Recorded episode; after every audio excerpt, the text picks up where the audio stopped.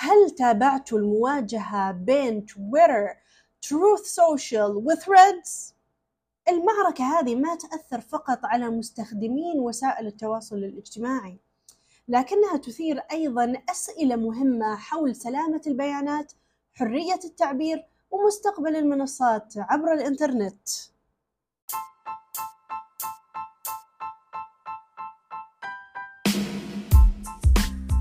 أهلا وسهلا فيكم في حلقة جديدة من بودكاست Dream Tech البودكاست اللي نناقش فيه آخر أخبار التكنولوجيا. أنا مضيفتكم دكتورة ريم وفي حلقة اليوم راح نتكلم عن المعركة بين الثلاث عمالقة في وسائل التواصل الاجتماعي تويتر تروث سوشيال وثريدز لكن قبل ما نبدأ أحب أقول لكم اشتركوا في القناة وشاركونا بأفكاركم وكمان أسئلتكم. وخلونا نبدأ. تويتر لاعب قديم في مشهد وسائل التواصل الاجتماعي بدأ يواجه تحدياته الداخلية. لما إيلون ماسك اشترى منصة تويتر طبق حدود النشر اليومية استجابة للمخاوف المتعلقة بكشط البيانات والتلاعب بالنظام. طبعا هذه القيود كان لها أثر عميق على أنواع مختلفة من الحسابات. الحسابات غير الموثقة كانت الأكثر تضرراً. حيث كانت قدرتها اليومية على القراءة تقتصر فقط على 600 تغريدة. أما الحسابات المنشأة حديثا والغير موثقة واجهت حد أكثر صرامة وهو 300 تغريدة.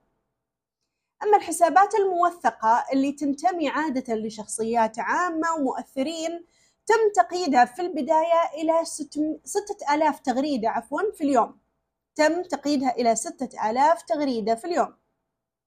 وبالرغم من ذلك تم تعديل هذه التدابير لاحقا لاستيعاب قاعدة المستخدمين وعدلوا الحدود اليومية إلى عشرة آلاف وألف وخمسمية تغريدة للحسابات الموثقة والغير موثقة والحسابات الجديدة على التوالي. طبعا هذه الخطوة أدت إلى هجرة جماعية للمستخدمين إلى منصات بديلة بما في ذلك منصة Truth Social. Truth Social.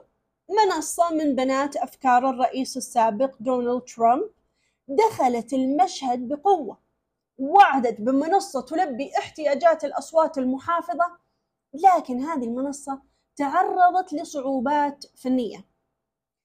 أدى تدفق المستخدمين اللي هاجروا من تويتر إلى تروث سوشيال المدعوم من ترامب إلى ضغوط هائلة على بنيتها التحتية وأدى إلى انقطاع الخدمة. هذه التحديات أثارت الشكوك حول استقرار التطبيق وقدرته على التعامل مع زيادة المستخدمين الجدد. وترك المستخدمين يتشككون في موثوقية التطبيق كبديل عملي لتويتر. الأشخاص الغاضبين من قيود النشر اليومية على تويتر لقيوا نفسهم يصارعون الإحباط وعدم اليقين بينما تكافح منصة تروث سوشيال علشان تحقق الاستقرار في منصتها. بداية اكتسب هذا التطبيق جاذبية. ليش؟ لأنه جذب الأصوات المحافظة وأيضا بسبب تأييد دونالد ترامب له. لكن المشكلات الفنية الأخيرة تركت المستخدمين يفكرون في موثوقية هذا التطبيق.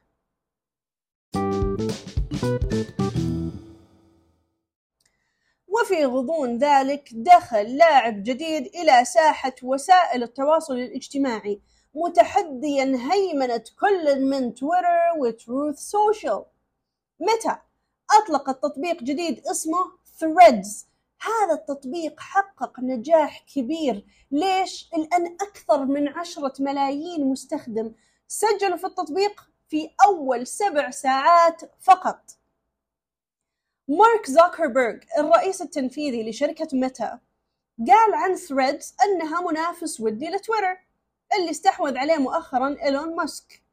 والخبراء التقنيين تكهنوا بأن ثريدز يمكن يجذب مستخدمين تويتر الغير راضين عن التغييرات الأخيرة في النظام الأساسي.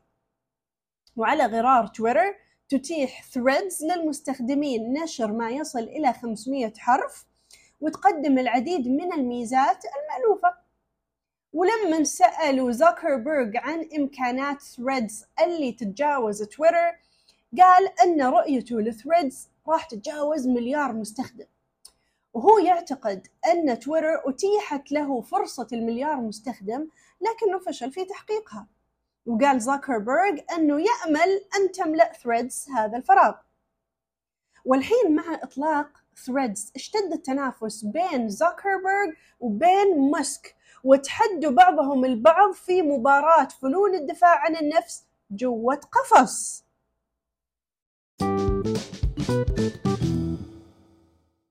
مع استمرار تطور مشهد وسائل التواصل الاجتماعي تثير معركة ولاء المستخدمين أسئلة مهمة هل يمكن أن توفر Threads أو Truth Social بديل موثوق ومستقر لتويتر؟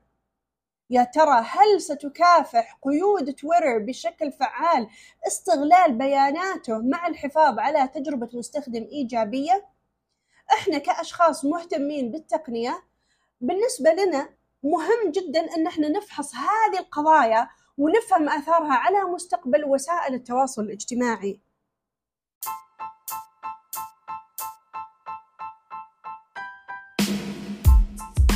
وفي الأخير نحب نقول لكم شكرا لكم على حسن استماعكم إذا عجبتكم الحلقة لا تنسون تشيرونها وتأكدوا أنكم تشتركون في القناة علشان تكونون على اطلاع على أهم وأحدث الأخبار التقنية ودائما تذكروا في عالم التكنولوجيا المعرفة قوة ونشوفكم الأسبوع القادم. السلام عليكم.